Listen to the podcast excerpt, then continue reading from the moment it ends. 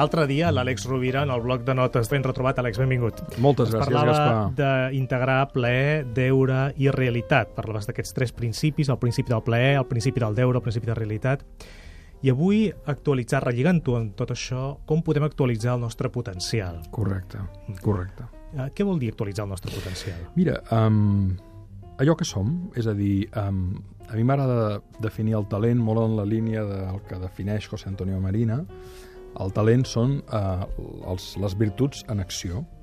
El talent és la intel·ligència triomfant. És, uh, fixa't que hi ha una diferència entre aquells nens o nenes que neixen i que tenen un do meravellós, un do natural, ja sigui per jugar a futbol, ja sigui la seva memòria, ja sigui la seva competència per fer àlgebra o càlcul, o per, eh, per, per recitar, eh, és a dir, o per dibuixar. Hi ha infinits talents que pot expressar la persona, i alguns neixen amb aquest do. Però aquest do no treballat es mor, es marceix. Eh, jo crec que tots coneixem que tots coneixem algun company d'infantesa que era extraordinari jugant al futbol, però que era mandrós, o que era un extraordinari atleta, però que no li fèiem venir de gust d'entrenar, i passats els anys s'ha quedat en res. En canvi, altres que potser no destacaven, a base de treballar, a base de practicar, a base d'integrar plaer, deure, han construït una realitat, eh, una transformació extraordinària. En aquest sentit, actualitzar el potencial vol dir això, és a dir, expressar el talent no passa per eh, arrepenjar-se amb un do, sinó treballar-lo. Però clar, quan parlem de potència, sorgeix un, dos, dos idees, no? la impotència o l'omnipotència. És a dir, hi ha persones que, i aquí no entrarem a jutjar perquè cada qual tindrà la seva gènesi de la seva postura existencial, del per què acaba pensant el que pensa i creient el que creu, que se senten impotents.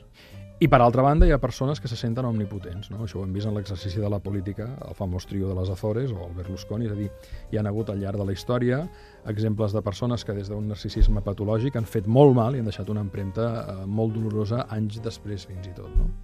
Entre la omnipotència, que no deixa de ser un deliri, i la impotència, que és de vegades una falsa creença.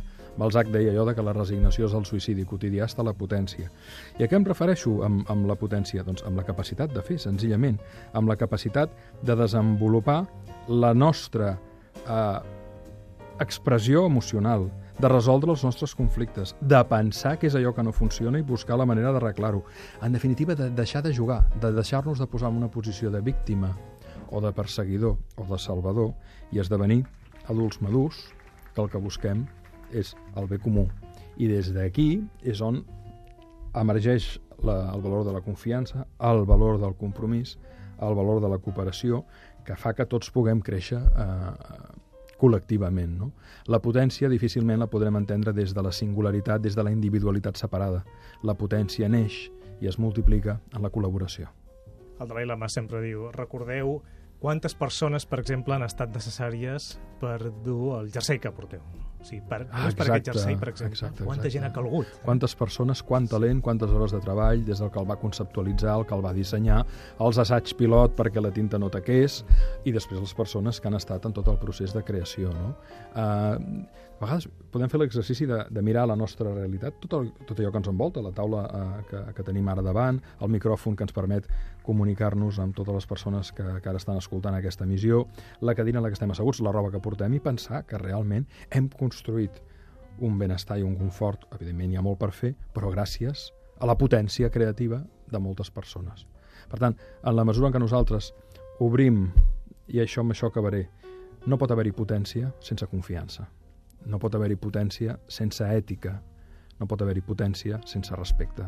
Perquè quan hi ha manca de respecte, apareix l'omnipotència, allò que fa mal. I des de l'abús apareix la impotència d'aquells que no mereixen ser maltractats. L'Àlex Rovira en el seu bloc de notes. Àlex, moltes gràcies una setmana més. A tu sempre, Que tinguis molt bona setmana. Una abraçada als oients també. Moltes gràcies.